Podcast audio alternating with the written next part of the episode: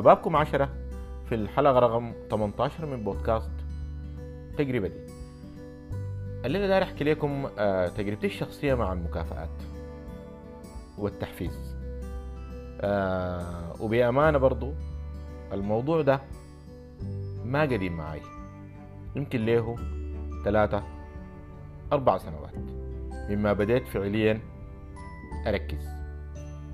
وقتها آه، كنت مهووس جدا بشراء ال- الإلكترونيات و آه، جدا مع الإصدارات الجديدة لأبل والأكسسوارز و بعد يمكن فترة بديت انتبه لأنه الحاجات دي ما مرتبطة عندي بأحداث محددة. يعني ما قاعد أتذكر إنه أنا اشتريت الحاجة دي 200 وليش وخلونا نكون دقيقين شوية آه، ما قدرت أصل للأثر الإيجابي علي من شراء الحاجات دي. والكلام ده صراحة كان آه، خلاني أقيف مع نفسي شوية وما بطلت أشتري أبدا. آه، بس غننت الفكرة. بديت أهتم بإنه أنا أشتري حاجة مقابل حاجة ومقابل تطور محدد.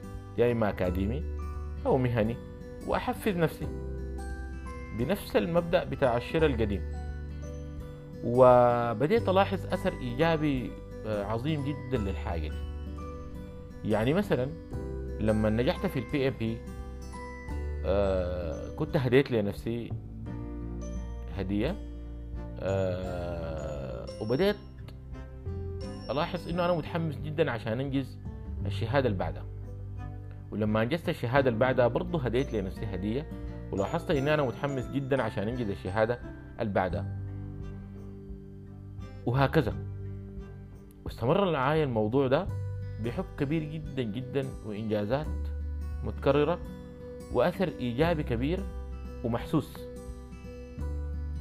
قبل كم يوم آه كافأت نفسي بمناسبة إنجاز مهني وعملت لي post عفوي جدا في LinkedIn. بعبر فيه عن مدى الرضا والامتنان لنفسي الحاجة اللي أدهشتني بكل أمانة لاحظت تفاعل غير طبيعي مع ال post.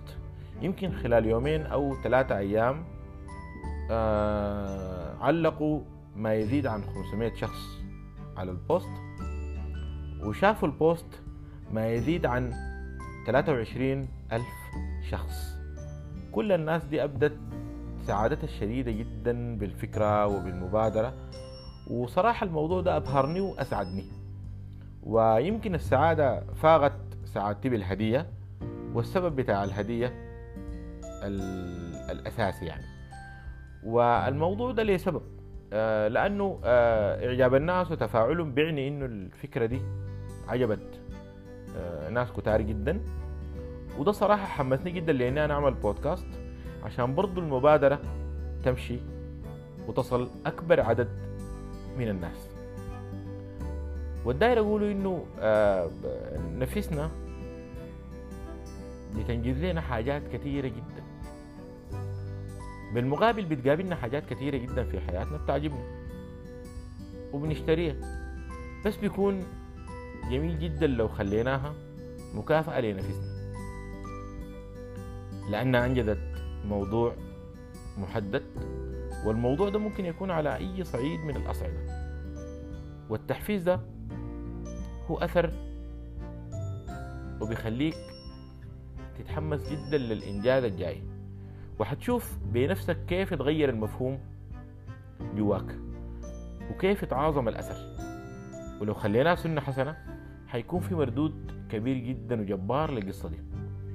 وصدقوني أكبر حافز لنفسك اللي بيجي من جواك.